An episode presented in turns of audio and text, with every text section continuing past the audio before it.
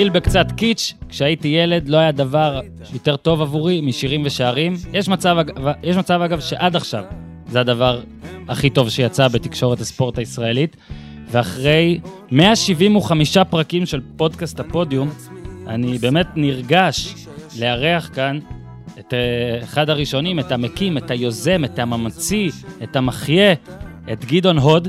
עוד מעט נגיע אליך, גדעון. אה, אבל בגלל שזה גם פרק כזה של מסמל של משהו של פעם, הרי הפודקאסט הוא בעצם הדבר החדש אה, של הרדיו, אפשר להגיד, אני מקווה פה שאני לא מעוות פה איזה משהו. אז אנחנו גם נעשה פה היום איזה מין חידוש עם, עם שיר, שיר נושא, שיר פתיחה חדש לפודקאסט הפודיום. תודה רבה ל-Hot Wet American Summer First Day of Camp Intro, כן, ככה מוצאים את השיר הקודם ביוטיוב לכל אלה ששאלו ושאלו. אז לכבוד גדעון הוד וגם אביעד פורילס שמתיישב פה איתנו, לכבודכם ולכבוד כל המאזינים ולכבוד פרק מספר 176, פרק עגול. קבלו את uh, אה, NTLVC, שזה בעצם New תל אביב סיטי, שזה שיר על uh, משהו חדש, אבל השיר בעצמו כבר פחות חדש, הוא יצא ב-2007. השיר הוא של אבישי זיו היקר, שהוא גם חבר וגם אח של חבר, וב-2007, אם אני לא טועה, אה, פעם ראשונה ששמעתי אותו, אבישי זיו כתב, אבישי זיו הלחין, וזה יהיה אה, שיר הנושא החדש של פודקאסט הפודיום, ואנשים שאלו אותי גם, מתי יש ספוטיפיי בארץ? מתי זה יהיה גם בספוטיפיי, הפודקאסט הזה? אז הוא יהיה, בקרוב מאוד, אנחנו ננסה גם את הפרק הזה כבר. אז יכול להיות שאנשי הספוטיפיי כבר שומעים את הפרק הזה בספוטיפיי. ננסה גם להעלות אותו ליוטיוב. ועכשיו אה, נמשיך עוד כמה שניות עם אבישי זיו, ואז פרק עם גדעון הוד ואביעד פורילס. נראה לי, נראה לי תאהבו את זה.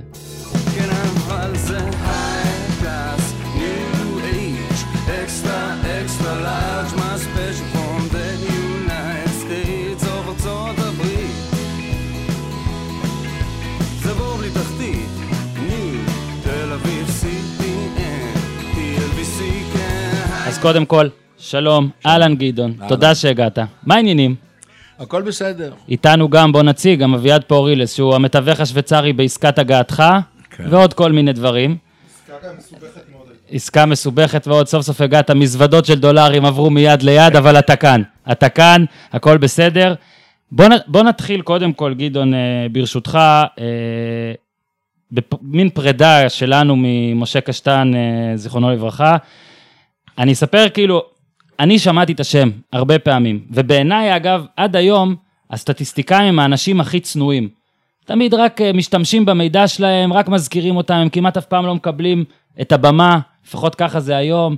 הם מוסרים לך את המידע, אתה משתמש בו, ויש, גם עכשיו, גם שנגיד עבדתי על ספר, זו עבודה עצומה, ועבודה של אסיפת חומר, של איסוף חומר של שנים, mm-hmm. ובסוף תמיד מרגיש לי שהם, שהקרדיט הוא מצומצם. וקטן. אז קודם כל בוא תן מין איזה פרידה שלך מהאיש, ואז גם קצת תספר לנו עליו. לומר בהגדרה מדויקת, משה היה האיש מאחורי שירים ושערים, באיסוף חומר ובהקניית אה, מידע על אה, מחזורים קודמים ועל קבוצות ועל שחקנים ועל מאמנים במחזורים רחוקים. כי הוא ניהל את הסיפור הזה בדפים. שהוא היה מצרף כל שבוע דף עם ליגה, ליגה הבכירה וליגת המשנה. והיה לו זיכרון יוצא מן הכלל, והוא לא התחיל בשירים ושערים, זה פרט לא נכון. הוא התחיל בתוכנית ממגרש הספורט, אנחנו התחלנו את התוכנית בסוף שנות החמישים. והיות והוא היה קצת מבוגר וריכז את הפרטים האלה בעיתון חדשות הספורט, שהחל להופיע ב-1954, אז הוא היה כבר ותיק, ונחמיה הזמין, נחמיה בן אברהם ז"ל, הזמין אותו לתוכנית שלנו. כמובן שהוא היה מאוד מקוגל, הוא היה איש אה, צנוע מאוד, ועם ידע יוצא מן הכלל, ועם זיכרון פנומנלי, הוא ידע כל דבר, ומעל כל הדברים האלה, הוא הביא את זה לידי ביטוי בכתב מאוד ברור. גם אם לא היית, אתה מבין, וגם אם אה, כתב יד צריכים לפעמים להתגבר עליו, לא היה צריך, זה היה כמו מודפס. והוא ידע כל דבר, הוא היה מכניס לנו, לי בתור מגיש, הוא היה נותן לי כל מיני פתקים, ואני הייתי סומך עליו במידה גדולה מאוד, כך שהייתי צריך להכין את השידור בבית כמובן, אבל בוא, הייתי מכין אותו נניח 50 אחוז, הייתי אומר, יש לי קשטן, מה צריך לעבוד קשה? הוא יבוא כבר, הוא ייכנס לאולפן, הוא יעזור, הוא יסייע במידת הצורך, וזה היה משה קשטן. לא, אביעד, אה, בעיניי תמיד, משיחות שלי עם אביעד, אני תמיד גם זורק לו, בואנה, אתה כמו גוגל, על אביעד אני אומר. ואני חושב שאצל משה קשטן, זה, זה גוגל לפני שהיה גוגל. זאת אומרת, היום בעינינו, אתה יודע, היום גם כשאני צריך להתכונן לה- להקלטה פה, לכתבה, אתה מקיש במחשב, ואתה מקבל אלפי עמודים, אתה רק צריך לבחור מאיפה לקחת את זה המידע שלך. רחוק מזה, רחוק מזה. שנות ה-60 היו, היו טלפרינטרים והיו כל מיני אמצעים אלקטרוניים כאלה שאתה... היום זה רק חלום. המחשב בכלל עושה את כל העבודה. משה קשטן היה המחשב. הוא היה המחשב של התוכנית. מחשב אנושי. מחשב אנושי ממש. עכשיו, הגדולה, הגדולה של קשטן, שהוא, בגלל המגבלות, הוא היה צריך לרשות, לרשת את עצמו בכל הארץ, בכל מיני אנשי קשר, שייתנו לו את האינפורמציה. עכשיו, הוא היה יכול להיות לאורך השנים עם, אה, בקשר עם אנשים שהוא בכלל לא ידע אה, לזהות אותם ברחוב, אם הוא היה פוגש אותם. ולסמוך נכון. עליהם. אנשים צעירים שרצו אה, לקבל את הקרדיט ברדיו, בשבילם השמעת השם ברדיו היה משהו. אז הוא יצר איתם את הקשר בסוף השבוע, אמר לך, אתה הולך לפה, והשני אמר, אתה הולך לשם, והם אה, עדכנו אותו בתוצאות. השאלה והבעיה הייתה, מה קורה כשבמגרש אין לו מישהו, מה עושים? מה עושים? אז מתקשרים למשטרה. אז המשטרה או מכבי אש, כולם הכירו אותו כבר, או והוא סוס. שמח עליהם, ובמידה והוא ראה שיש לו יומנאי שמגמגם ולא יודע ומה ומה, אז אני אמרתי לו פעם אחת, מוישה, תגיד 2-0, מה אכפת לך, זה עובד, אף אחד לא ידע גם. אחר כך אפשר לתקן, וזה... הוא לא היה מוכן, זה. עבד. הוא לא לא, היה מוכן. היה לו קשה לקבל את זה. איך מבחינה חברתית, אה, אתה יודע, גם שיתוף הפעולה ביניכם, וגם אה, איכשהו, אה, אתה יודע, עם, עם אנשים אחרים בתוכנית, בתחנה, בכלל, מה אתה יכול לספר? משה, משה היה איש מאוד מאוד צנוע, מאוד מאוד מקובל, ולא הסתכסך עם אף אחד, ולא רב עם אף אחד.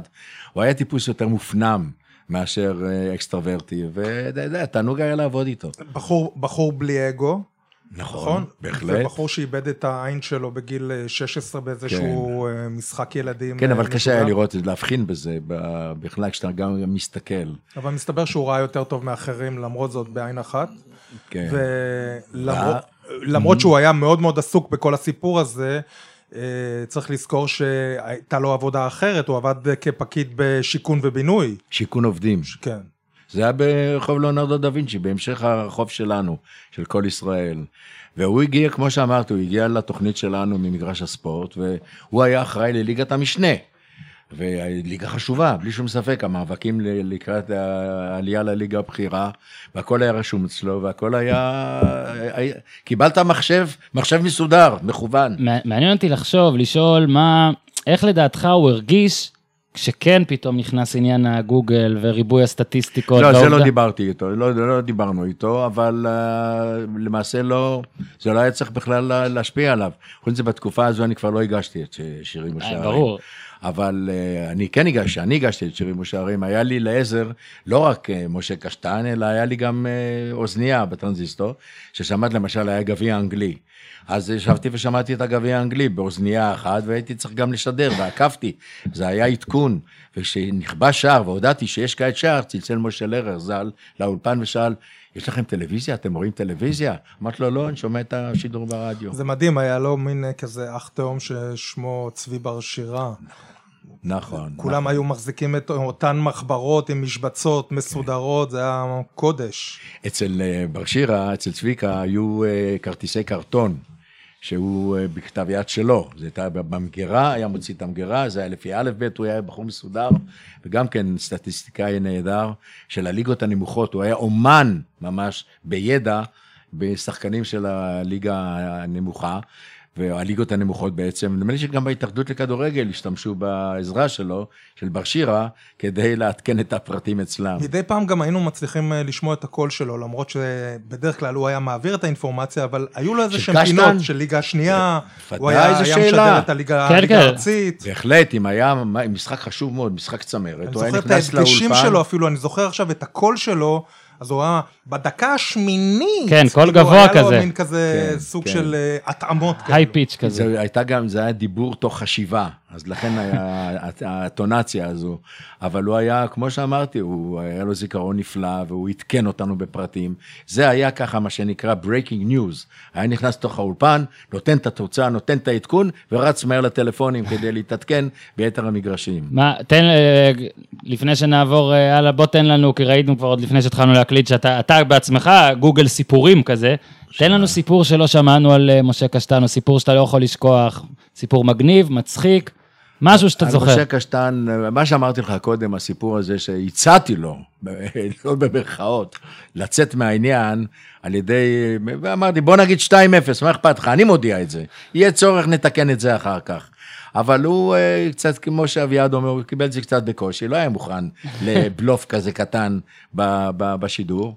אבל אה, מה אני יכול לספר עליו? אתה יודע, מילא הקבוצות היה- הגדולות והליגה הליגה הלאומית ושירים ושערים, אבל אני חושב שהגדולה שלו באה לידי ביטוי במשחקי הגביע.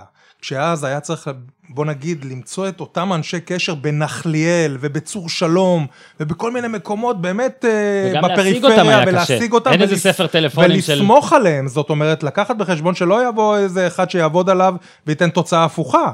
זאת אומרת, היה פה גם, הוא היה צריך גם לקלוט את האנשים האלה ולסמוך עליהם. תראה, ברגע שאתה לוקח אדם שרוצה להתקדם, ואתה עובד איתו, והוא חייב להיות נאמן, מפני שהוא יודע שאם לא ימסור לך פרט נכון, הלוא זה מתפרסם בסופו של דבר למוחרת בעיתונים, אז אם הוא יתאפס, ב- ב- ייתפס באיזושהי שגיאה, יותר הוא לא גם יעבוד. הקטע הזה, של, חבל. הקטע הזה של אה, קרדיט של שם ברדיו, כן. זה כמו, אבל היה כתוב בעיתון, פעם כן. היה משמעות למילה וגם לשם שלך, כאילו הרבה יותר אפילו מאשר אתה היום. יודע, אה, חדשות הספורט היו יוצאים במוצאי שבת, בשעה קצת יותר מאוחרת. בשעה מוקדמת הם כבר הגיעו לבניין של המערכת, כדי לקבל את העיתון וכדי לראות את השם שלהם במסגרת ה-11 ששיחקו באותה שבת. עד כדי כך. זה מדהים. תחשוב, מדהים, עיתון, עיתון מודפס שיוצא במוצאי שבת בערב, ואנשים עומדים בחוץ ומחכים שהעיתון יצא, בשעה אה, 10-11 בערב. זה- בקטע הזה באמת העולם הזה כל כך מסקרל אותי, ובגלל זה גם בואו רגע, בואו נצא קצת, נחזור אפילו עוד אחורה. אה, אני, אני יכול להעיד על עצמי, שאני חושב ששירים ושערים, מה זה אני חושב? שירים ושערים, מבחינתי זו הייתה התוכנית הכי מוצלחת בת- בתקשורת הספורט בישראל מאז שאני צורך כן. תקשורת ספורט, ואפילו שאני כיום חלק ממנה. קוראים לזה תוכנית דגל. אני חושב שזה אפילו understatement. מבחינתי זה היה, עכשיו, אני, אני עוד זוכר שכילד, כשהייתי יודע שזה, שזה עומד להתרחש, שהולך להיות בשבת, זה היה עושה לי טוב מהבוקר. ולמשל כן. הייתה, אני מהצפון במקור, והמשפחה של אימא שלי מרחובות, ואז הנסיעה הייתה איזה שעתיים וחצי, שעתיים ארבעים. שעריים. כן, זה המשחק הראשון שראיתי אגב לייב, שעריים מרמורק. וכשאני זוכר שהיינו עושים את הנסיעה הזאת, זה ממש לא היה כיף. אבל כשהיינו עושים אותה בשבת, ידעתי שברקע אני אשמע את זה וזה זה הקל עליי. אבל אתה יודע מה היה האסון? התוכנית הייתה מתחילה בשתיים, אוקיי? ואז בשעה שתיים היה סקירת עיתונים מהעולם בחדשות, וזה היה מאריך את המהדורה עד שתיים ורבע, ואנשים בבית היו מושכים בשיער, מה הם מבלבלים את הביצים עכשיו? עם האלגמיין ועם כל התוכניות, עם כל העיתונים האלה משוודיה ומגרמניה, ובינתיים דקה 12 כבר במשחקים. או, או שבחדשות, אגב, כי בחדשות לא היו פריצות, היית חוזר מחדשות, פתאום היה גול שהפסדת, אבל בוא רגע כדי לעשות סדר, גדעון. בוא, אני רוצה להכניס לך פה סיפור מדהים לגבי ההכנה ולגבי ההאזנה בשבת. אני הייתי בחתונה בבני ברק, וניגשו אליי חבר'ה שהם היום ככה קצת יותר מבוגרים, והם מספרים לי שבשבתות, כששידרו את שירים ושערים, הם היו עם טרנזיסטור, היו שומעים, ב... היו שמים את הכרית על הראש, עם, הטרנז... עם האוזנייה באוזן, והיו שומעים את שירים ושערים. תשמע, בני ברק, שירים ושערים. זה כמו, אני אומר לך, זה כמו כ"ט בנובמבר. לא היה אפשר לשמוע אינפורמציה לפני ואחרי. אם היה משחק מוקדם שהתחיל ב-12, וה, ושירים ושערים התחילה ב-2, לא ידעת כמה משחק ב-12 נגמר. לא, לא צריך באמת לחכות. אמרת, כמו שאמרת נכון, בלי זה אתה לא יודע כלום. לא יודע כלום. עם זה אתה יודע הכל.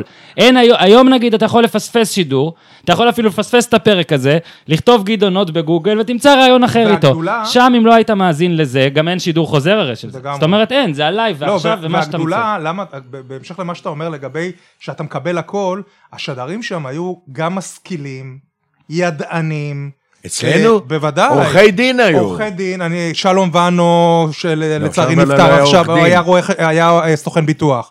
אבל יעקב אור, ויואל כץ. ושני הבנים אז בואו שלו. באמת נעשה סדר, כשיהיה למאזינים גם נוח, ומי ש... הדור הצעיר שאולי אפילו, יש, פנו- יש לנו מאזינים, אגב, שלא הספיקו אולי לשמוע את זה בגלגול ההוא, של... אה, בגלגול הראשוני. ב-1970 התחילה. אז. אז בוא רגע נתחיל, ב... זה מתחיל באיטליה, נכון? הסיפור. כן, הסיפור... הסיפור העברתי אותך לאיטליה. החזרת אותי לשם. הסיפור מתחיל ב-1966, נסעתי לנסיעה פרטית באיטליה, והייתי צריך להגיע כמו כל נהג לתחנת דלק כדי למלא את המכל. ואני אה, רואה שם את העובד כשהוא מחזיק טרנזיסטור ביד, ואני מסמן לו שיגש ל- לשרת אותי, לבדוק שמן, צמיגים, כל מה שצריך. שביתה איטלקית. אז הוא עשה שביתה איטלקית עם הטרנזיסטור ביד, והוא מסתכל עליי כמו, כמו, כמו אל קוף, ואני, ואני עוד פעם מבקש ממנו שיבוא, לא זז הבן אדם. יצאתי מהאוטו, ניגשתי אליו, אני רואה שהוא מחזיק את הטרנזיסטור, ובאיזה עניין מרותק, ממש מרותק, ואני שומע צעקות וקריאות, ואת השדר, ואת, ואת המגיש באולפן. טוב, אז היה לי קשה קצת, מפני שזה בכל זאת לא... לא ידעת מה זה. הוא שמע, כן, לא ידעתי בדיוק על איזה שידור מדובר. כשחזרתי חזרה למכונית, פתח את הרדיו ושמעתי בדיוק, שמעתי מוזיקה קלאסית, כבר אז כמובן, אבל שמעתי את השידור עצמו, אמרתי, זה רעיון, וואו, איזה רעיון לא נורמלי.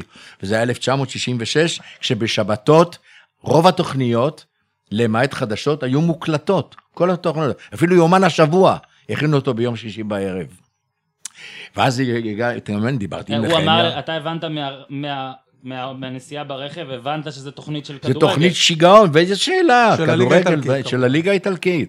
השדר יושב באולפן, מרכז, זאת אומרת, הוא אה, אה, במרכז, והוא פונה לכתבים, הכתבים נותנים לו תוצאה, ומדברים כל אחד זה לא חצי דקה, תחשוב שזה עדכונים. 1970, אה, 66. 66. 66 זה וכלום היה. לא 66. היה פה בכדורגל כלום, שום שבת, דבר. ודאי שלא, היה שבת. היה לנו תוכנית שנקראת ממגרש הספורט, אבל התוכנית בהתחלה, ב-1958, התחילה בשעה תשע בערב, ושודרה ככה במשך שלוש שנים, בערך משהו כזה. זאת אומרת, לייב לא היה כלום. כלום, לא היה לבן אדם אפשרות לצרוך בחי את מה שקורה, אז לא היה, שלו. לא היה, הכל היה מצומצם. אז אתה חוזר, אתה חוזר ומספר חזרתי, לה- מספר לנחמיה על הסיפור הזה, והוא אומר לי, "אה, אל תתלהב, אל תתלהב, מ- איך תשדר, מי ייתן לך לשדר? ואני בכל זאת אה, כתבתי מכתבים להנהלה ולמי שאחראי על, אה, על רשת ב'. מי זה היה?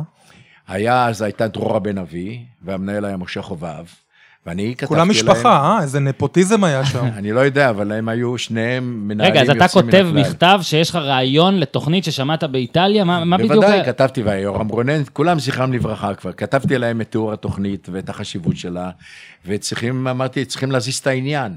אבל העניין לא זז במשך ארבע שנים, ומתי התחיל בתחרות לקבל תפנית, שנחמיה בא לבקר אותי, אני נפצעתי בערב מלחמת ששת הימים, נחמיה בא לבקר אותי, ואני דיברתי איתו וניסיתי להזיז דברים, וראיתי שיהיה קצת קשה, משום, משום שעיתון אה, דואג, ולא במרכאות, שלא יהיו לו מתחרים, הוא רוצה להיות בלבדי.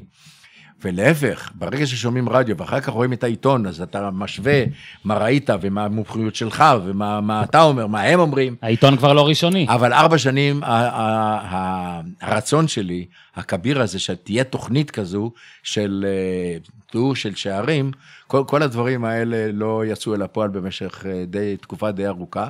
אחר כך קיימנו את הישיבה, באותה ישיבה, משה חובב, ז"ל, אמר דבר פשוט, אנחנו נקרא לתוכנית שירים ושערים. זו הייתה הברקה, אתה יודע, הברקה של שנייה. ותכף ומיד העניין הזה נתפס, ונחמיה לקח על עצמו כמה, הוא היה ראש המחלקה, הוא לקח על עצמו לשבת עם הטכנאים, ולקיים את כל ה-facilities במגרשים כדי להתקשר אלינו. תגיד, כמה נחמיה אנחנו, אתה יודע, במרחק הזמן, אנחנו, יש לנו הרבה ויכוחים על הקטע הזה של כמה באמת שחקני כדורגל בשנות ה-50 וה-60 היו גדולים, וכמה השדרים היו גדולים, וסיפרו סיפור, הרי הם אז, בשנות ה-50, כשלא הייתה טלוויזיה, והאמצעי השידור היו מאוד מאוד מוגבלים, יכלו להגיד למעשה כמעט הכל. כמה הייתה הפנטזיה שם, כמה הם סיפרו סיפור שבאמת לא אמיתי, כמה הוא באמת היה גדול. תראה, נחמיה. הסיפור, הסיפור של נחמיה היה בהחלט אה, אה, סיפור גדול, מפני שהוא היה איש מעמיק, איש קורא ספר, והייתה לו עברית יוצאת מן הכלל, היה לו חוש הומור מצוין. זה לא ניכר במשך היום, בשעות היום. לא, היית מדבר איתו ממש אה, כמו חבר. אה, ובשידור עצמו הוא רץ, הוא רץ מהר מאוד, וגם במילואים שלו בגלי צה"ל הוא תיאר את המטס האווירי הראשון של, אה, של חיל האוויר. אולי גם עד שם כדי הפריע. כך, כי שם היה צריך לדבר מהר. ונחמיה באמת דיבר בשידור, הוא דיבר מהר מאוד, ו... ה- ה- איך נקרא לזה, ההשוואה של, למשל, באה קבוצה מ- מווינה. אז הקשר הראשון, היית צריך לחפש איזשהו מקום להכניס שניצל, והיית צריך באיזשהו מקום לחפש ואלס. הקבוצה רוקדת כמו- כמו ואלס, משחקת כמו ואלס. תגיד לי רגע, האם, אבל- לא, אבל מה שאביעד לדעתי מתכוון, אנחנו עוצרים פה, אנחנו עוד מעט, אני רוצה אני להמשיך יודע מה שאתה מתכוון לומר, לא, תראה, אם כאילו ש- אם זה היה עשרה מטר או עשרים מטר מהשאר, היה קשה לך או בעצם... כמה הוא היה מפליג ב- ב- בשבחים ובטירופים, אבל אולי אני- בגלל שהשדרים היו כל כך טובים, הכדורגל נשמע טוב ממה שהוא היה. תראה, השידור של נחמיה פסק ב-1976 או 77, בשעה שהטלוויזיה התחילה כבר לשדר והייתה ככה בשוונג רציני מאוד. כשאתה יושב, אתה משדר ל- ל- ל- לאנשים בבית את המשחק, ואנשים רואים גם את המשחק בטלוויזיה, אז אתה כבר צריך להיות אמיתי יותר. אתה צריך להיות הרבה הרבה הרבה יותר תגיד. מדויק. זה היה אחד הקשיים שלי, כי ידעתי שאני משדר לרדיו, ואנשים אה, רואים את המשחק בטלוויזיה, סיפרו לי אגב, במחמאה, שהיו סוגרים את הסאונד של הטלוויזיה כדי לשמוע את. הרדיו. טוב, זה היו סיפורים הרבה יותר חיים, ואני זה- הייתי צריך להיות המצלמה של הטלוויזיה גם מה כן. אתה זוכר מהתוכנית הראשונה, איך קרתה, איך זה התרחש? התוכנית הראשונה הייתה אה, בצורה, אה, בצורה כזו שגם קשטן היה באולפן והוא ריכז את התוצאות, ובירושלים ישב אה, נפתלי, אה, נפתלי אה, רז, אה, מנשה רז, סליחה, הוא ישב באולפן בירושלים, הוא גם היה מקבל את התוצאות מאיתנו, היה אה, רושם אותן. ואתה גם היית אנחנו המגיש. הראשון? לא, עמי פסטל היה המגיש הראשון, הוא עשה שתי שבתות, נחמיה ביקש ממני, ושאני אוותר ושאני אעשה את השבת השלישית. למרות שהבאתי את הרעיון ואת כל, ה, את כל, ה, את כל הסמטוחה כמה קרבות. אגו היו שם? לא, לא היו קרבות, לא היו קרבות. מה אתה זוכר מהשידור הראשון שלך? תראה, השידור הראשון היה שידור שהתנהל אולי קצת יותר באיטיות לגבי השידורים שבאו בהמשך, אבל אנחנו היינו צריכים באולפן לשדר את התוצאה בלי הכתב, בלי הדיווח של הכתב. איך? ידעתם? מה? איך ידעתם? הוא צלצל? לאולפן. צלצל לכתב. ודאי, הוא אה, צלצל. זה היה פחות אה, שידור חי לאולפן. מהמגרש, אלא אתה מרכז הכל. ואתה מדבר והיו- במשך שלוש שעות עם המאזינים. היו לפעמים, היו לפעמים אה, אה, טלפונים שהיו מגיעים מבתים פרטיים, שהיו ממוקמים... במרפסות מסביב. במרפסות מסביב וליד המגרש. הכתב היה צריך לצאת, לדווח ולחזור חזרה, להמשיך הלאה לראות ולדווח. ואז היה כשהוא היה חוזר אנחנו דיווחנו גול. תוצאה, ויושב שטרי, זכרה לברכה, הייתה מנגנת תקליטים. תקליטים, ב- ב- בין, ה- בין השערים, בין הדיווחים, ובצורה כזו השידור רץ, אבל אנשים קיבלו את הדיווח און ספוט. אגב, מדהים שאתה אומר גם על השירים ושערים, כי אני זוכר שכשהתחלתי להאזין, אז היה עוד קצת שירים, ש... ולאט לאט היחס בין השערים לשירים, ירד. יר... היחס של השירים ירד. תראה, זה בהחלט, בהתחלה השירים היו תפסו אבל התחילו להבקיע עיקרי. שערים. אז זהו, אתה אומר, התחלנו להיות טובים בכדורגל, אז אין תגיד, מוזיקה. כשנחמיה, כשנחמיה אז במשחק הזה המפורסם נגד אה, ברית המועצות ב-56, צועק, סטלמך כבש עכשיו שער והשווה את התוצאות לאחת אחת. אני עכשיו, משאיר את המיקרופון אני משאיר את לקהל. המיקרופון לקהל. כן. את התוצאות, מה, זו הייתה פליטת פה? זו הייתה טעות? או ככה דיברו אז? את התוצאות, למה לא את התוצאה? טוב, זה יכול להיות, זה פליטת פה. פליטת פה. את התוצאה, כן. אה, שערים לפעמים הולכים, מביאים את התוצאה לתוצאות. אתה מבין, אבל טוב, זה היה משחק בלתי נשכח. אתה היית אז כבר? מה זה הייתי? אני הייתי נהניתי עשר גם- שנים לפני. אה, כן? מה פתאום? עשר שנים אחרי נולד. אני אולי ראיתי. דיברו, דיברו על, על אצטדיון רמת גן, שמשהו, שהתכולה שלו הייתה אז 55 אלף. דיברו על 70 אלף, נכון? 70 אלף איש היו במשחק הזה. וכל הממשלה הייתה. כולל בן גוריון וגולדה. מה, ו- וגם הכבישים? לא הייתה, כולם לא, עצרו את המכוניות, אוטובוסים, כולם שמעו את השידור. אני מתפרץ, כי, אה, כי אנחנו נלך כרונולוגית, אבל מדי פעם נתפרץ, כי אתה אומר דברים שגורמים לי להתפרץ. אתה אומר 70 אלף כן. באיצטדיון רמת גן, ש...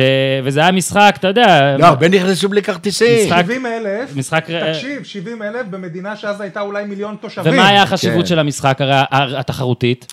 לא חשובה. לא חשובה, אוקיי. זה היה, זה אבל היה חשוב המועצות מאוד, אז הייתה שברית כמעט המועצות אני הייתה אז מסכים, אני מסכים, אבל תראה איזה... אבל זה תמיד נשמע בסיפורים הישנים, שאז הספורט תפס נפח הרבה יותר גדול בחיים של, ה...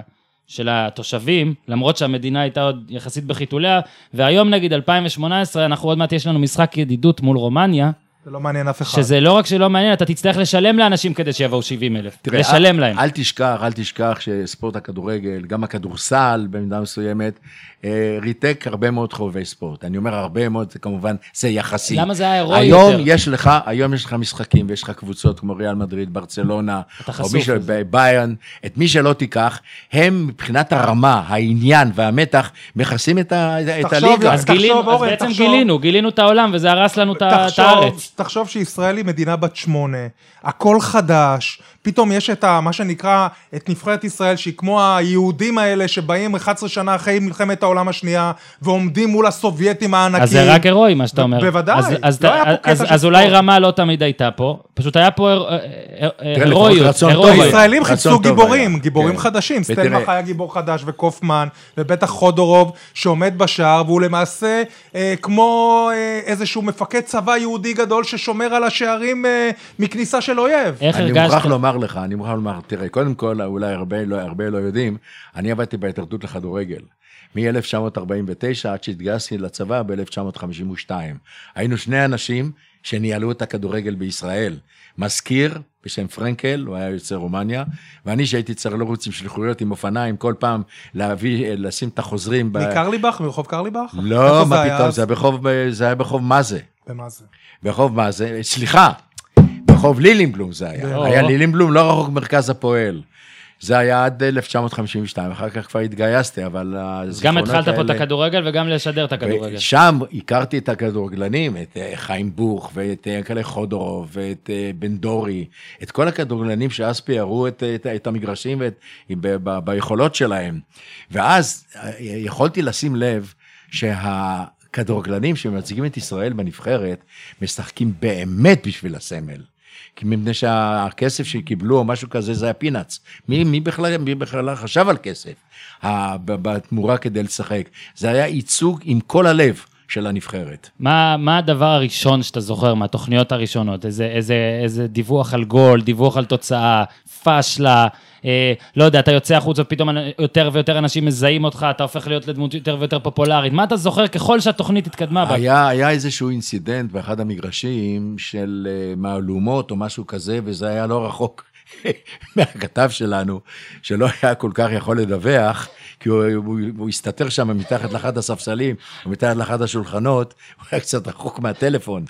אז זה היה העיכוב, אחר כך הוא סיפר את זה, שהוא ממש פחד מה, מהחבר'ה שפרצו למגרש. אז זו הייתה אפיזודה, אבל בדרך כלל אחר כך היה לנו בבלומפילד, עם בית"ר ירושלים. ב-69. ש- כן, שלקחו מוטות ולקחו צינורות ו- ופרצו למגרש. ורדפו אחרי רוני קלדרון. כן, אבל, ה- היה גם חייל. חייל. כן. אבל בדרך כלל הדיווחים והכל עמדנו, ב, עמדנו בעניינים האלה. עד תקופה מסוימת שההתאחדות לא הרשתה לשדר את הדקות האחרונות. היו משחקי עלייה וירידה. כדי שלא ידעו? כדי שלא ידעו במגרשים משחקים האחרים. רגישים, ואז היו מביאים כן. שופטים מחוץ לארץ. זה נכון, גם מצחיק, כן. שכאילו תקשורת תפקידה לחשוף הכל ושהכל יהיה שקוף, אבל בעצם אז זה הייתה מין חשבו, צנזורה. אז, אז זה היה כמעט מיותר, מפני שאחד היה יכול למסור לשני, והיו כל מיני אמצעי קשר בין המגרשים. אבל ההתאחדות עשתה את שלה בעניין הזה כדי להיות אה, הוגנת בעניין כלפי אה, קבוצות שנלחמות על הירידה או העלייה. אני זוכר, יש לי תמונה בראש, הייתי בן עשר, והראו את זה אחר כך בטלוויזיה, משחק בשבת האחרונה בעונת 75 נדמה לי, אליפות של הפועל באר שבע, הם משחקים במשחק האחרון נגד מכבי יפו.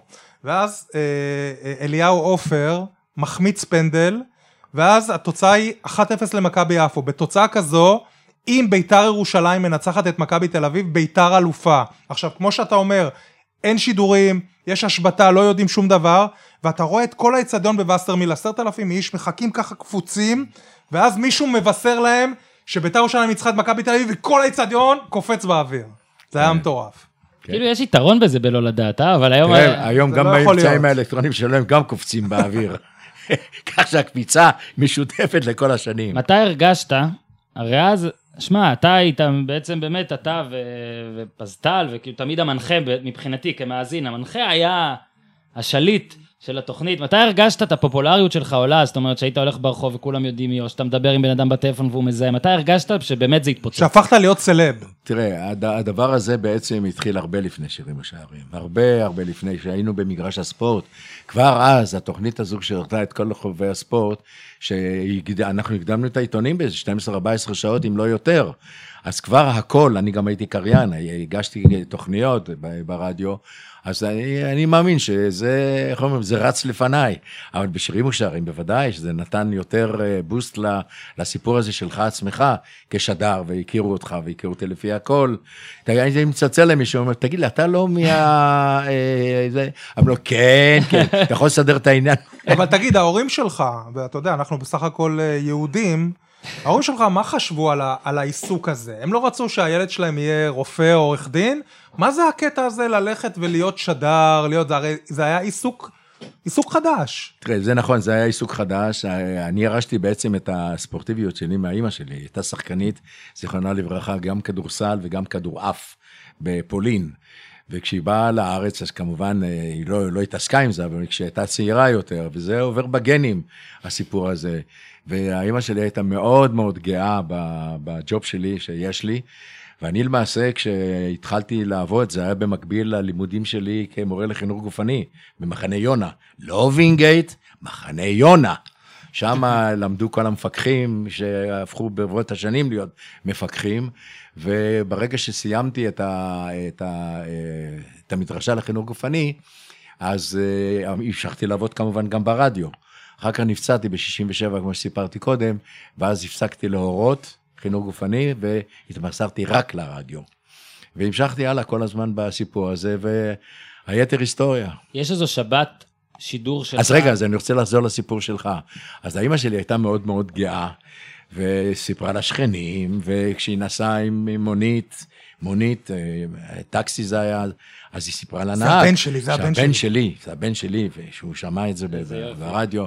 אז טוב, אז הייתה גאווה, האימא בעיקר, האבא קצת פחות. מה הוא רצה. שתהיה? מה? מה הוא רצה שתהיה? לא, זה, זה לא הלך לכיוון רופא או לכיוון אה, דבר כזה, זה היה מכובד מאוד.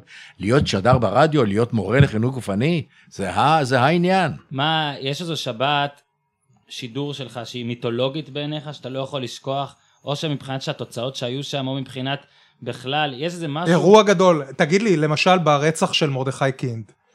בכפר לא, זה- גבירול, זה- אתה זה- כבר, זה זה הייתה 75. לי- כן, זו הייתה ליגה נמוכה. אנחנו אבל עדיין יום- זה- זה פתח אנחנו את בא- המהדורות. תראה, נכון, באותו יום אנחנו הדגשנו ועשינו סיפורים של עדי ראייה. נכון. ו- ומאמנים ושחקנים וכל מי שהיה בו, כן, זה באותו אירוע אירוע. שקרה ב-11 בבוקר. ואת המשטרה. וכל מי שהיה מעורב, זה היה הסיפור, זה היה יומן. זה הפך להיות לחלק, חלק אינטגרלי מהחדשות. ב- בחדשות, בטח, טיפלנו בזה, בטח. תראה, גם, לא רק, לא רק העניין הזה, להבדיל אלפי הבדלות, העניין של הספורט העולמי, אני התייחסתי תמיד לשירים ושערים כאל מגזין ספורט. בינלאומי אפילו. וחוץ משלא היה שירים ושערים בשבתות, עשיתי מגזין ספורט שהתחיל בארבע והסתיים בשעה חמש. כמה שיכולתי לתת עדכונים מה, מהרדיו, ממי שלא היה לי, כמובן ששילבתי את זה. מי- והתחלתי לעבוד על התוכנית ביום רביעי. לקראת שבת, יום רביעי. הייתה איזו קבוצה שהיית יותר מזוהה איתה, או... אה, אני אגיד לך, אני הגעתי ללונדון ב-1960 פעם ראשונה, אז הקבוצה הראשונה שראיתי מנצחת והייתי במגרש שלה הייתה טוטנאם. אז אה, טוטנאם הייתה איתי כל הזמן, אחר כך ארסנל, נתנו לי כרטיסים, אז ארסנל אה, הייתה טרמפיסט, היום קוראים לך טרמפיסט. תגיד, כן. יש, יש מגישים ויש את השדרים. מי בעיניך שדר הרדיו הכי גדול שהיה פה מבחינת ספורט? שדר רדיו. שדר רדיו, אני חושב שאיינשטיין קלט את העניין, אני הבאתי אותו מלונדון. הוא קלט את העניין בצורה טובה מאוד, מה עוד גם שהוא היה משולב בלימודי התקשורת שהוא למד בלונדון. הוא היה מאוד משכיל, הוא, הוא, היה הוא היה בחור- גם עיתונאי וגם אה, בהחלט. שדר. יותר, הוא היה, כן, הוא היה עיתונאי מצוין, שידע אה, לתחקר במרכאות, שהוא היה צריך לראיין מישהו, אז הוא ידע לראיין, להפיק ממנו את כל מה שצריך, ולא היה מוותר. היה שואל שאלה, והוא לא היה עונה לו, היה ממשיך הלאה, עד שהיה מוציא ממנו את התשובה. אז הוא היה שדר טוב, שדר כאילו, אפילו טוב מאוד. אתה כאילו מציץ לי פה בדף שהכנתי לעצמי, הנושא הבא באמת זה, זה איינשטיין, וזה זה בעצם מתחבר לנושא הלפני הבא, הסוף של, של שידור אז בוא ניתן לך. סיפור על איינשטיין. טוב, אני אה, אה, אה, עשיתי בזמנו את התוכנית אור ירוק, וזה באמת סיפור מעניין. התוכנית הזו שודרה במשך כמעט 30 שנה, יום-יום, שש פעמים בשבוע, 26 תוכניות בחודש, ויצא בסופו של דבר מאות תוכניות כל שנה, 30 שנה רצה תוכנית, כל בוקר. ואז אחיו של איינשטיין, של מאיר, זיכרונו לברכה, עמי, הייתה לו חנות לאביזרי רכב. בהרצליה. אחר כך היא עבר להציע, היא הייתה בהתחלה בתל אביב. עמי היה אוהד, עמי וגם מאיר היו אוהדי הפועל הרצליה. נכון, אז uh, הוא, הייתי קופץ עליו, לפעמים התיידדנו מאוד במסגרת ההקלטות, כי אני הקלטתי אותו על אביזרי רכב. אז יום אחד הוא גם שואל אותי, תגיד לי, אתה שידרת משהו היום על כיסוי להגה? אמרתי לו, כן, הבוקר היה. הוא אומר, זה 30 איש כבר קנו אצלי את הכיסוי ההגה. זאת אומרת, שהתוכנית הזו השפיעה. וישב לידך אה, מהנדס רכב אה, ממוצא אנגלי, ג'ו קריידן. הוא אמריקאי. ואתה יודע, אמריקאי, אמריקאי. וה- והייתה על זה, גם עשו על זה כבר פרודיות. פעם אחת מישהו אה, כאילו חיכה אותו ואמר, שואלים אותי למה הניילונים מרשרשים. ואז כאילו כל מיני, זה, הפך באמת להיות סוג של קלט התוכנית הזאת. כן, נכון. הוא היה, הוא היה באמת האיש בתוכנית, אחר כך היה מכאן לוויתן, שזה 15 שנה אצלי, והוא היה משדר בחמישה לשמונה, השופטים, שלפני שהגיעו ללשכות שלהם, היו יושבים באוטו ושומעים את הפינה של עמיקם. כל שבוע ביום שלישי הוא ביקש ממני, וככה זה רץ אה, כל הזמן. אז מה שקרה עם עמי, אז עמי אמר לי, תשמע, למה לא תיקח את, אה, את האח שלי, את מאיר, הוא נמצא בלונדון, הוא לומד שם תקשורת, בוא תשמור איתו על קשר, הוא ייתן לך את הליגה האנגלית כל, אה, כל שבוע. אמרתי, רעיון. התקשרתי למאיר, והוא התחיל לשדר. זה, אז נחמיה, כשישבנו בבית סוקולוב, שאלתי, תגיד לי, מי זה האיינשטיין, שלך. הבחורצ'יק הזה, הבחור שלך, מי, מי, מי זה הבחור הזה? הוא טוב. הוא אומר לי, הוא טוב. ואז מאיר התקבל כמובן, ובאהדה גדולה מאוד, ואנשים אה, התחילו אה, לזהות ולהכיר אותו, ועם תוך הידע שלו, והיה לו קצב טוב, היה לו קצב מצוין מההתחלה. ואחר כך כשהוא בא לארץ, באופן הכי טבעי, הוא הצטרף לתוכנית וגם לשירים ושערים. אבל אני הייתי עושה איתו דבר אחר. אצלנו ברדיו, לפני 40-50 שנה, הטלפונים לחוץ לארץ היו חופשיים. הסתבר שכל ישראל, רשות השידור, הייתה משלמת, משלמת לדואר גלובלי. היית יכול לצלצל לאן שאתה רוצה לחברי, באמריקה, ביפן, איפה שאתה רוצה. כולם ניצלו את זה בטח. כן, ניצלו ודאי, למי אין חברים בחוץ לארץ. ואז יום אחד החליטו לסגור את העסק, וסגרו את העניין, תכף אני אגיע לזה גם כן, אבל מה שקרה עם מאיר, היות והיה לי קו חופשי, ומאיר יושב בלונדון, ולא יכול לשמוע בגלים קצרים את השידור שלנו. היית פותח לו את הקו כדי לשמוע את זה. הייתי, פות... הייתי אה, מ- פותח, מצלצל אליו, שם טרנזיסטור, והוא היה שומע את השידור שלו. באמצעות הקו. אני הייתי הולך למסדרון לאכול משהו, הייתי חוזר חזרה, נו, שמעת? היה בסדר? נו, זהו, היה מבסוט חלס, וככה שמרנו על קשר. עכשיו, מה שקרה, זה היה סיפור יפה. סגרו את כל הטלפונים אצלנו, ניתקו את כל הטלפונים, ואל תשכח, זה היה לפני 40 או 45 שנה. ובטח אישור הוא אחד. אז זהו, את האחד הזה אני הלכתי לחפש. ואני חושב שעברתי אולי איזה 30 טלפונים, ובסוף מצאתי אחד חופשי. מה הטלפון הזה עשה, חביבי, אני נעזרתי בו המון. קודם כל, לגביע אירופה. שמרת אותו בסוד? ש... באיזה שאלה? לא, בהתחלה כן, אבל אחר כך סיפרתי לחבר, אז הוא התחיל להשתמש בזה גם כן. אבל מעריב, למשל, נהנו מזה מאוד, משה לרר, הוא החזיק את הדפוס עד שנתתי לו את התוצאה הסופית של המשחקים בספרד. מדהים. היה לנו שם עיתונאי, אה, אה, חימנס, קרלוס חימנס. קרלוס חימנס. תמיד הייתי בטוח שזה. שם בדוי. לא, לא, לא, אחר כך הוא הפך להיות העורך של אס. איש מדהים, והייתי מצלצל אליו, והוא היה נותן לי את התוצאות, ומה שיכולתי, העברתי ללרר. כעבור שתי דקות סגרו את העיתון, ואז הדפיסו אותו עם התוצאה. תשמע, אתה יודע. דיברת עכשיו על קרלוס חימנס, ו- וזה מה שמעביר אותי או אותנו לכדורסל. אגב, זה נכון? רפי נאה, אתה שומע. אביעד, רפי נאה ואני היינו ממש, שלושתנו היינו ממש בידידות חמה מאוד. עוד שנייה אנחנו עוברים לכדורסל, רק תספר, ב-92 אתה הפסקת את שירים אה. ושערים, ומאיר מאיר החליף אותך, לא? זה- זה היה... לא, היה- השתלב איתנו אז בזמנו גם דני, אבל... ה- רוטציה. מאיר, מאיר אה, עבר אחר כך לשדר כל שבת, בהחלט. כן. כן. אחר כך הוא לקח את אבי, אבי רצון. כן. אגב, גם את אבי רצון הבאתי אל, ה, אל, ה, אל הספורט. גם מאיטליה? גם אותו. המציאו באיטליה. הוא היה איש ביטחון, היינו בוורזה, בכדורסל, אז אמרתי לו ישר, ראיתי שהבן אדם מתעניין, אמרתי לו, "בן, תתחיל לעשות לי כתבות בענייני כדורסל. אומר לו, אבל אני לא יכול לשדר את השם שלי, אני עובד מדינה. אמרתי לו, לא צריך את השם, אתה תיתן את הכתבה, וזהו. בלי שם. היה, היה את המשחק, אני חושב שהמשחק הראשון הזה היה בווארזה, כשמכבי מפסידה, והאוהדים שם זורקים אה, גרונות של תרנגולות שחוטות. בדיוק.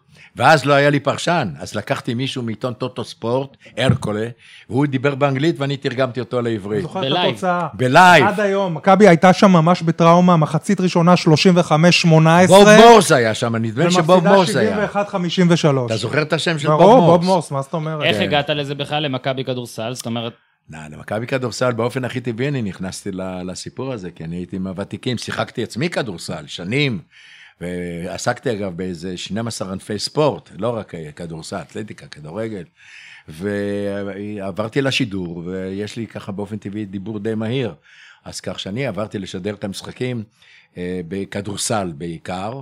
וכי נחמיה שידר משחק ראשון, הוא שידר ב-1958, זה היה, אה, ש- סליחה, 68, המשחק עם ריאל מדריד, שהצנחנים עלו למעלה וירדו בחבלים. פנימה, אתה זוכר את זה? בוודאי. האולם היה מלא עד אפס מקום. מגרש פתוח. היה מגרש יד אליהו היה אז פתוח. 68, בוודאי. לא, נדמה לי שכבר סגרו לא, אותו. לא, לא, לא, לא, היה פתוח. דרך למעלה, דרך התקרה.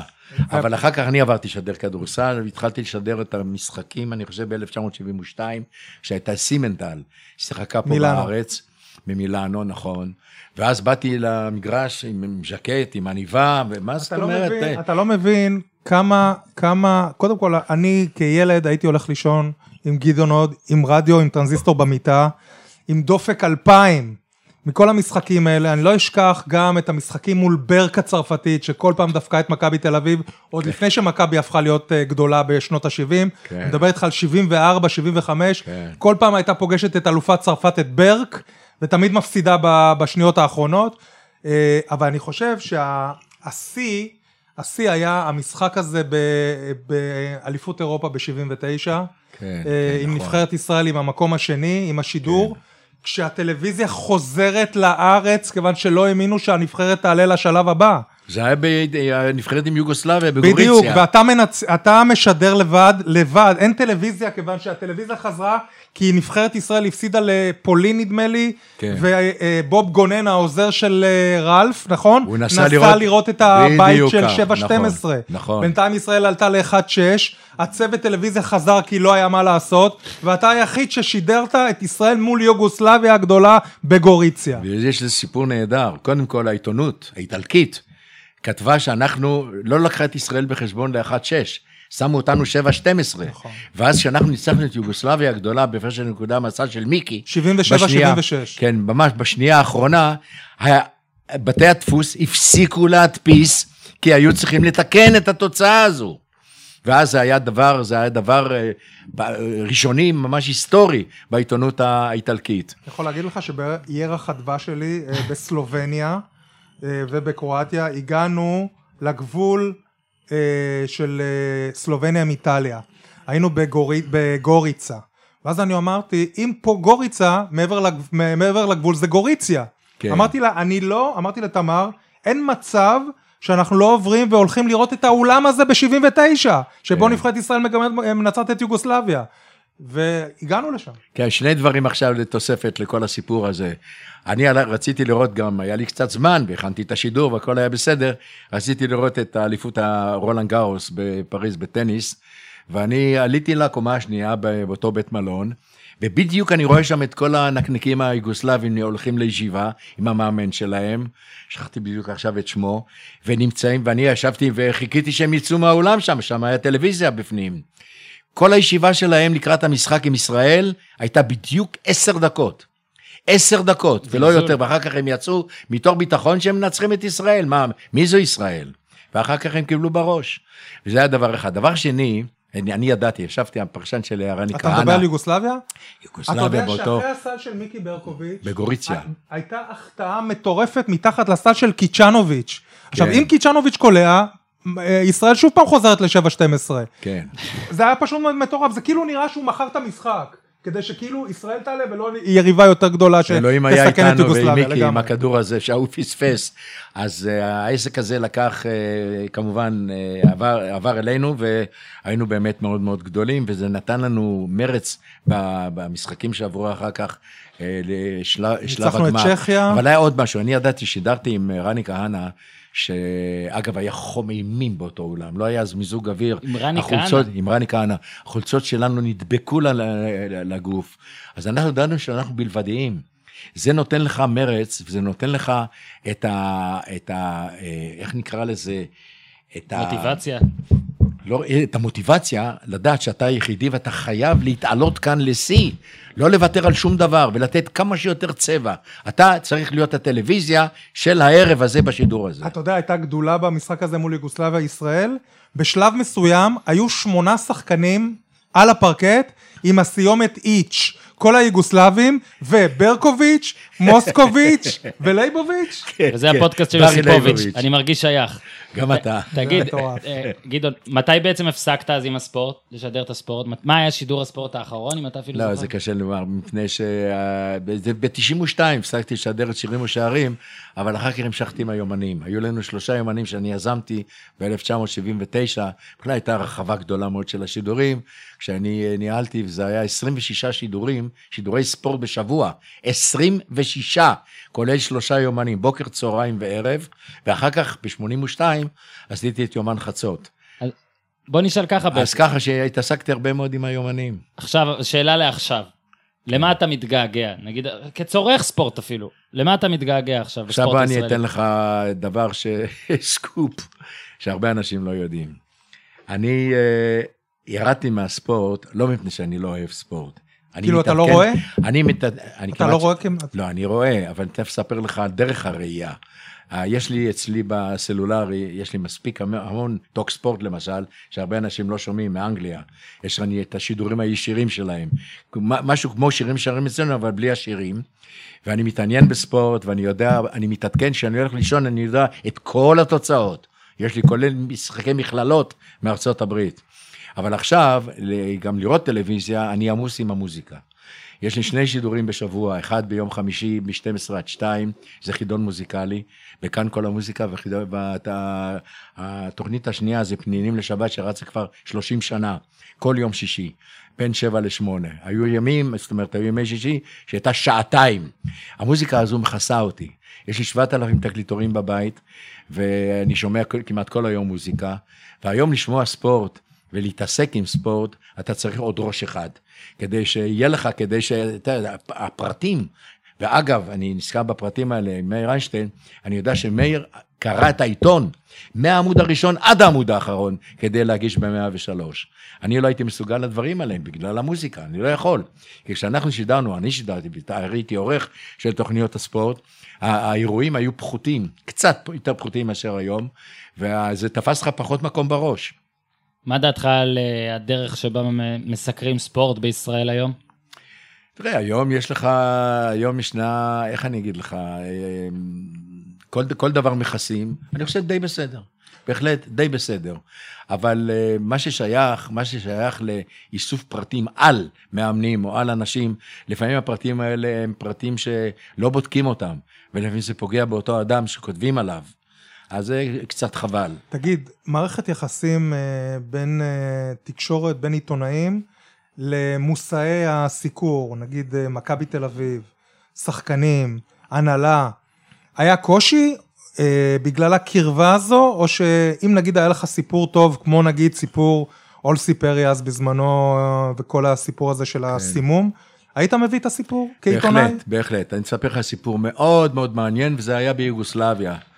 היה אה, ארל וויליאמס, שאהב לעשות חוכמות, והיה עם החברים שלו, והיה לו סילבר, שהיה רציני, איש חושב, שחקן יוצא מן הכלל, חכם, בחור חכם.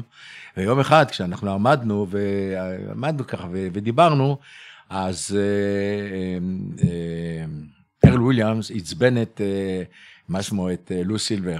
אז הוא הסתובב והכניס לו בעיטה. אז תכף הוא מיד הפרידו ביניהם, אתה יודע, אבל אה, טוב, זה היה אה, כתוצאה מרוגז רגעי כזה. בטח ביקשו כך- מכם לא לכתוב או לא... אז לפ- רגע, לא- לא- אז הם, השלימו ביניהם, ועכשיו אני הייתי היחידי, לא היה טלוויזיה, אף כתב לא היה שם, אני הייתי לבד, ועכשיו יש לי בעיה, אני צריך עכשיו לדווח. וזה, למשל, מי שלא הכיר את מכבי תל אביב והיה באימונים ביד אליהו, ראה את השחקנים מרביצים אחד לשני. עד כדי כך הם רצו לי... ושום להשתלב. דבר לא יצא החוצה. לא, שום דבר לא יצא החוצה, גם זה היה, זה היה חלק מהאימונים. זה היה חלק מהאימונים שלהם, העניין של המרפקים, ולדחוף ולשמור כמו שצריך, ולמשוך בגופייה או משהו. אז הדברים האלה, מה שאני הייתי כאן בפני דילמה, אני צריך לדווח עכשיו דקה וחצי, תוכנית הספורט, איך אני יוצא מהעניין הזה. נו, נו, ישבתי וחשבתי ואמרתי, אני לא, לא יודע, עם שמעון לא רציתי לדבר. אמרתי, אני, מה שאני ראיתי, ראיתי. ראית? אתה לא צריך אה, נכון, תגובה. אז אני, אחר כך הוא יבוא ויגיד לי, אדוני, אתה ראית? לא, אתה לא ראית שום דבר. אין דבר כזה. אני הייתי חייב לדווח. אז באמת אה, דיווחתי על העניין הזה, אבל לא, לא, לא עשיתי מזה איזשהו קרב תרנגולים. אמרתי שהיה בהלצה ככה, הם זה, והפרידו ביניהם וכל זה. תוך חמש דקות מהשידור. הוא מגיע אליך. לא, מצלצלים עיתונאים ואליי, צלצלו ישר לחדר. בוא נספר, מה קרה, מה קרה, מה קרה? אמרתי, חבר'ה, לא קרה שום דבר, אתם מכירים כבר את השחקנים וכל זה.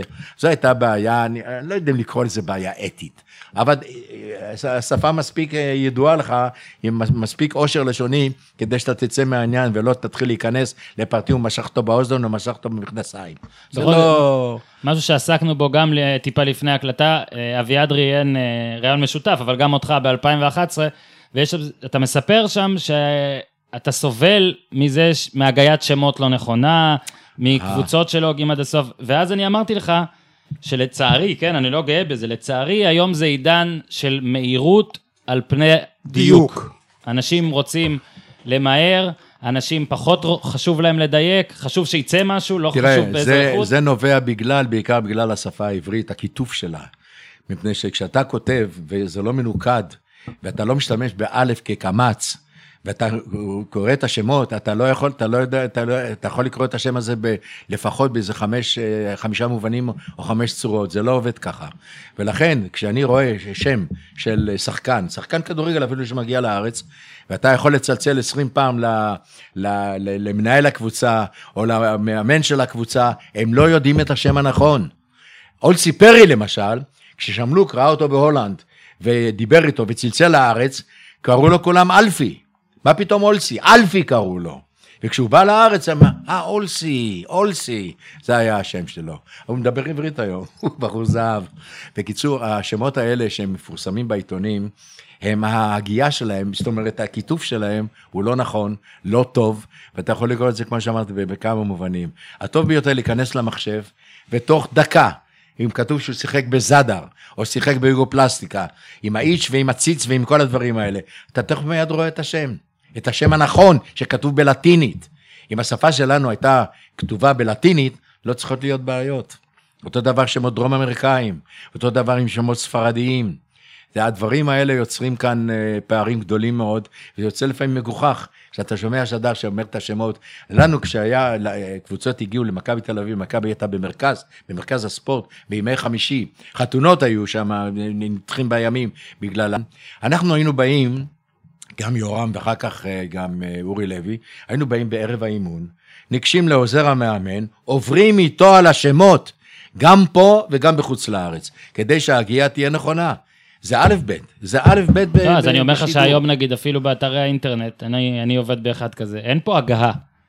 אין פה, אתה מבין, אין, אין, אין חשיבות כמו פעם, ל, ל, ל, אתה יודע, פעם, אני, הרבה עוד לפניי כמובן, היה, היה, זה הרגיש שיש פחד אין תודה, לא, אתה צודק, אין תודה בעניין הזה, אין תודה. אגב, אולי, אולי זה באמת לא חשוב לאנשים, כי אני שם לב לפעמים, שאחרי כמה שעות שטור שלי עולה לאוויר, פתאום מישהו שולח לי עם איזה טעות שם אה, למטה, אבל הוא הראשון ששם לב, ואתה יודע שקראו אותו כבר הרבה אנשים, יכול להיות שאנשים כבר קוראים היום במהירות, פחות שמים לב. לא רק מהירות, אתה יודע שהכיתוב השתנה, למשל קבוצת אברטון, היום ישנם עיתונאים, כלומר ישנם מדורי ספורט, שכותבים את השם א', ו', ו', ר', ט', ו', נ'.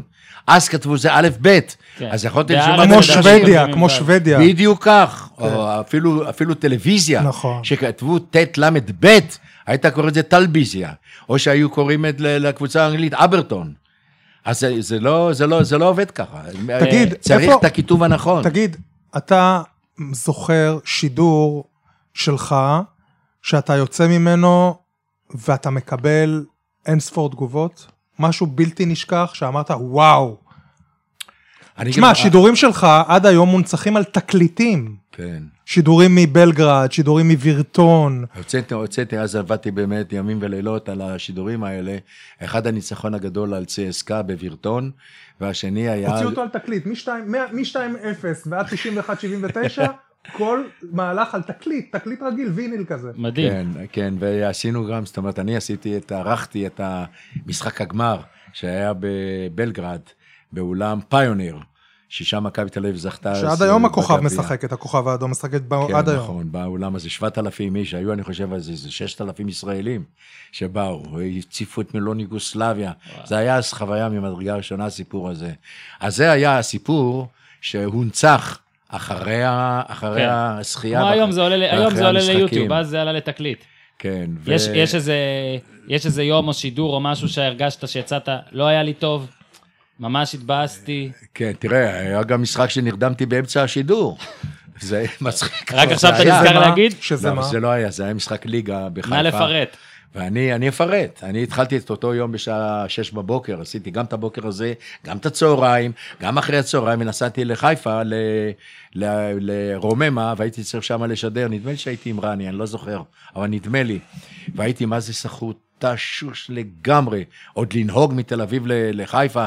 בקיצור, התחלתי לשדר, שידרתי ושידרתי ושידרתי ושידרתי וברברתי, ולפתע פתאום אני מרגיש, "אה, אה, אה", אני חוטף מכה בצלעות, והתעוררתי והמשכתי הלאה לשדר. אתה נרדם באמצע השידור, מה, זה אתה, קורה. כמה שניות אתה חושב שזה היה? כן, זה היה כמה שניות, פתאום אתה קם ברבע שניות. שלישי כזה. לא, לא, לא ברבע שלישי. או מחצית ראשונה או שנייה, אבל השידור נמשך כמובן כל הזמן. טוב, אנחנו... אל תשכח שלא הייתה טלוויזיה אז. יכולתי לספר גם שאני... כן, אה, יכולת להגיד שאתה חוצה את הכביש וזה כן. מעניין אנשים. טוב, אנחנו לקראת סיום לצערי, כן? אנחנו נזמין אותך שוב, יש לי מלא דברים שלא הגענו אליהם, אבל אה, לא, אצלנו מותר, גדעון, מותר, אתה יכול גם כן. לענות אם זו שיחה מעניינת. לא, זה במקרה, במקרה אשתי. חכה שנייה. מה העניינים, אילנה? אני משאיר את זה. למי? אה, בסדר, אבל אני עכשיו באמצע הקלטה, אני תכף גומר, אני מתקשר אליו. בסדר, תודה. אה, בסדר גמור, אני אתקשר אליו ואני אגיד לו, רגע, את הטלפון שלו? טוב, בסדר. וואה, אין לי את הטלפון שלו, של הילד, וואו, וואו, וואו, של הנכד.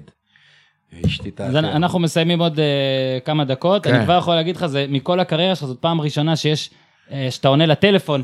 ו- ושומעים שיחה באמצע שידור שלך.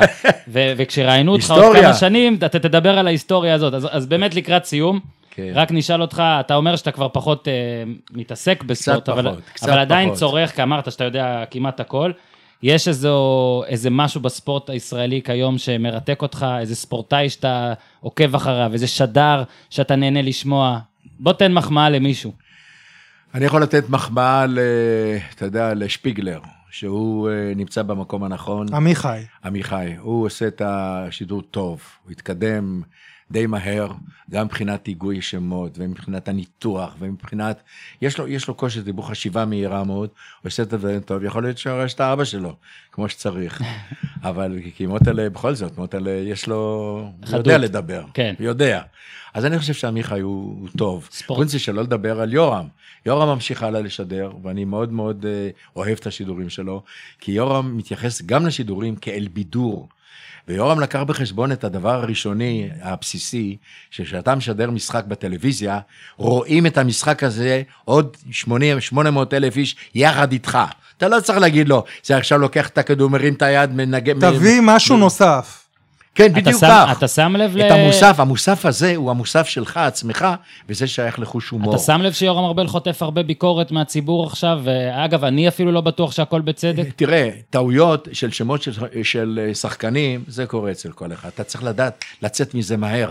לצאת מזה אחת, שתיים, ולא להתייחס, אוי, זה שמו של זה, זה, אין דבר כזה. אולי לא, אוהבים קדימה. פה, אולי לא אוהבים פה אנשים שמצליחים לאורך הרבה יכול מאוד מאוד שנים. להיות שיש קינה, יכול להיות, אני לא יודע. ספורט- אבל אני, אני עדיין שומע את יורם, אני מאוד נהנה, עושה ספורטאי- עבודה טובה. ספורטאי שאתה נהנה לצרוך עכשיו? ספורטאי, ספורטאי, בעיקר ספורטאי עבר. אני אוהב את טל בודי, אני אוהב את מיקי. אין עכשיו מישהו שאתה נהנה לראות? מישהו שכעת? כרגע לראות, אין, עד ש- היית אומר לי, הייתי מתכונן. כספי ב-NBA. כספי ב-NBA. הנה, אתה רואה? יודע? קניתי. מה אתה אומר על. תופעת ערן זהבי? ערן זהבי נפלא, יוצא מן הכלל.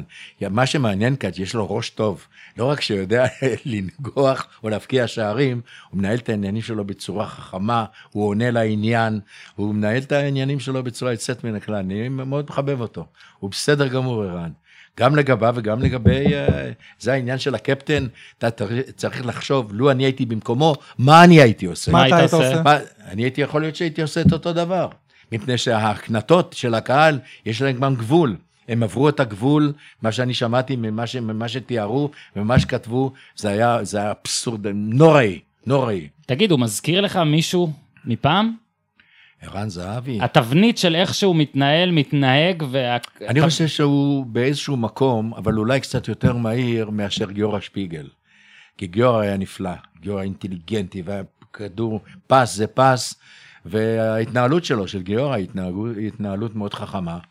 ואם הוא יכול להיות אה, יושב ראש ההתאחדות לכדורגל, אני ישר חותם, בשתי הידיים. זו פעם שנייה שאתה מתפרץ לדף שלי בלי לקרוא כן, אותו. כן, אני רואה מרחוק מה שאתה כותב. מה הסיפור לדעתך? מה כל העניין הזה? אתה יודע, עכשיו יש נבחרת, אין לה מאמן, אנחנו עוד כן. מעט לפני uh, עוד טורניר, שמת... מין טורניר, כן, טורניר אני חושב שזו התנהלות רשלנית מאוד של, אין יושב של, ראש, של הכדורגל אין... שלנו.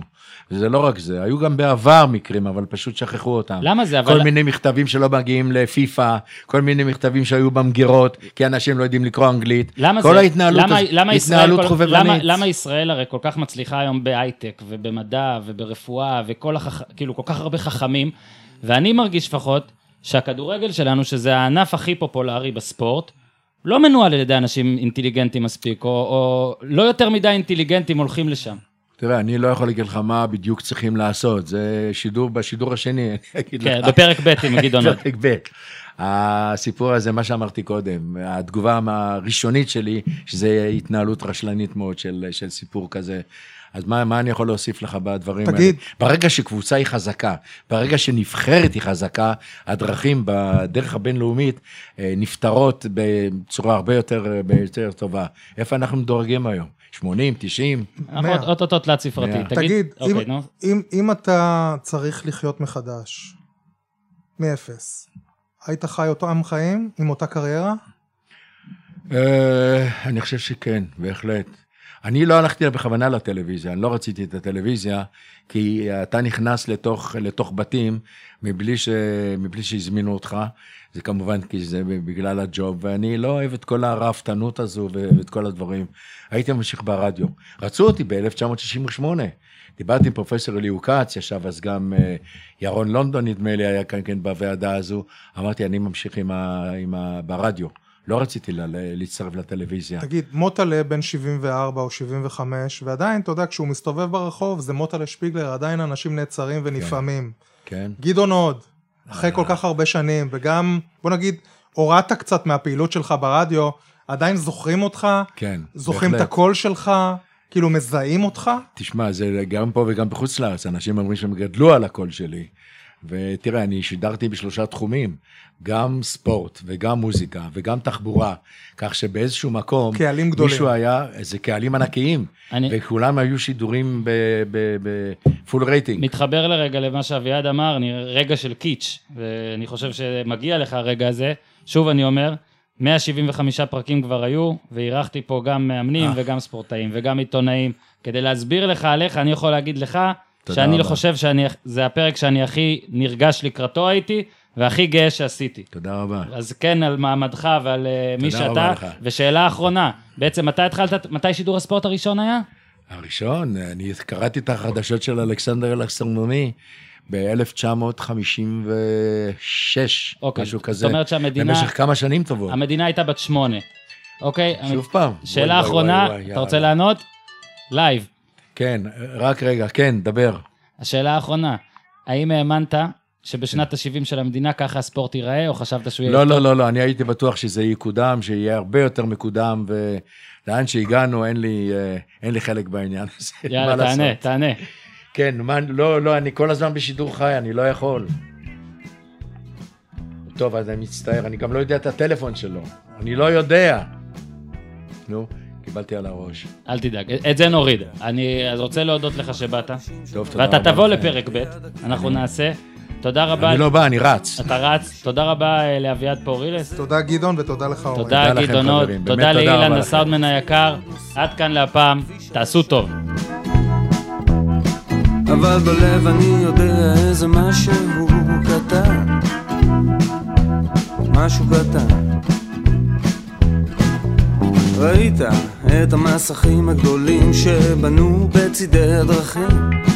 הם מראים מוצרים אפשריים. אני בעצמי חושב שעדיף להתרכז בכביש. אולי ככה ימותו פחות. איזה מאה מאתיים איש אבל זה היי קלאס ניו אקסטרה אקסטרה לארג' מה ספיישל פרום the United States of ארצות הברית וזה בור בלי תחתית ניו תל אביב CTN TLBC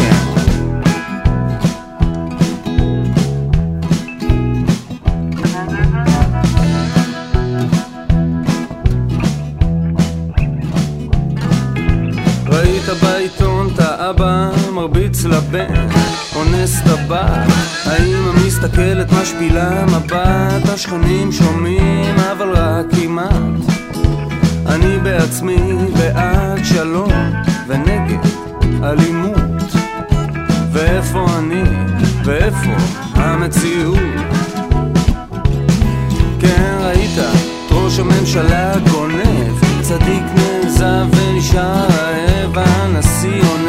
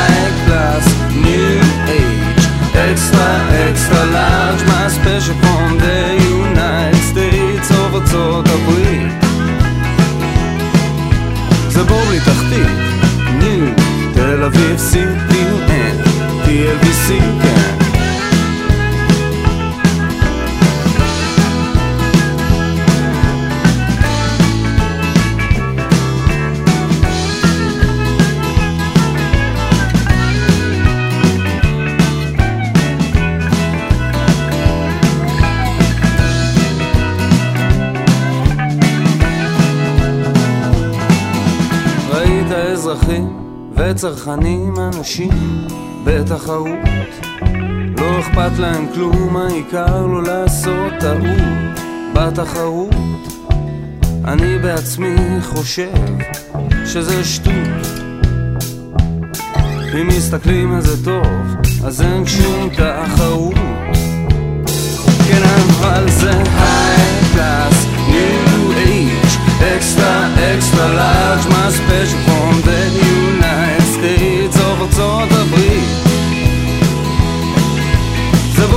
תחתית, New תל אביב CTN TLBC כן high class, new age extra extra large מה special משהו מה special the United States of ארצות הברית זה בור בלי תחתית, New, תל אביב, CTN, TLVC,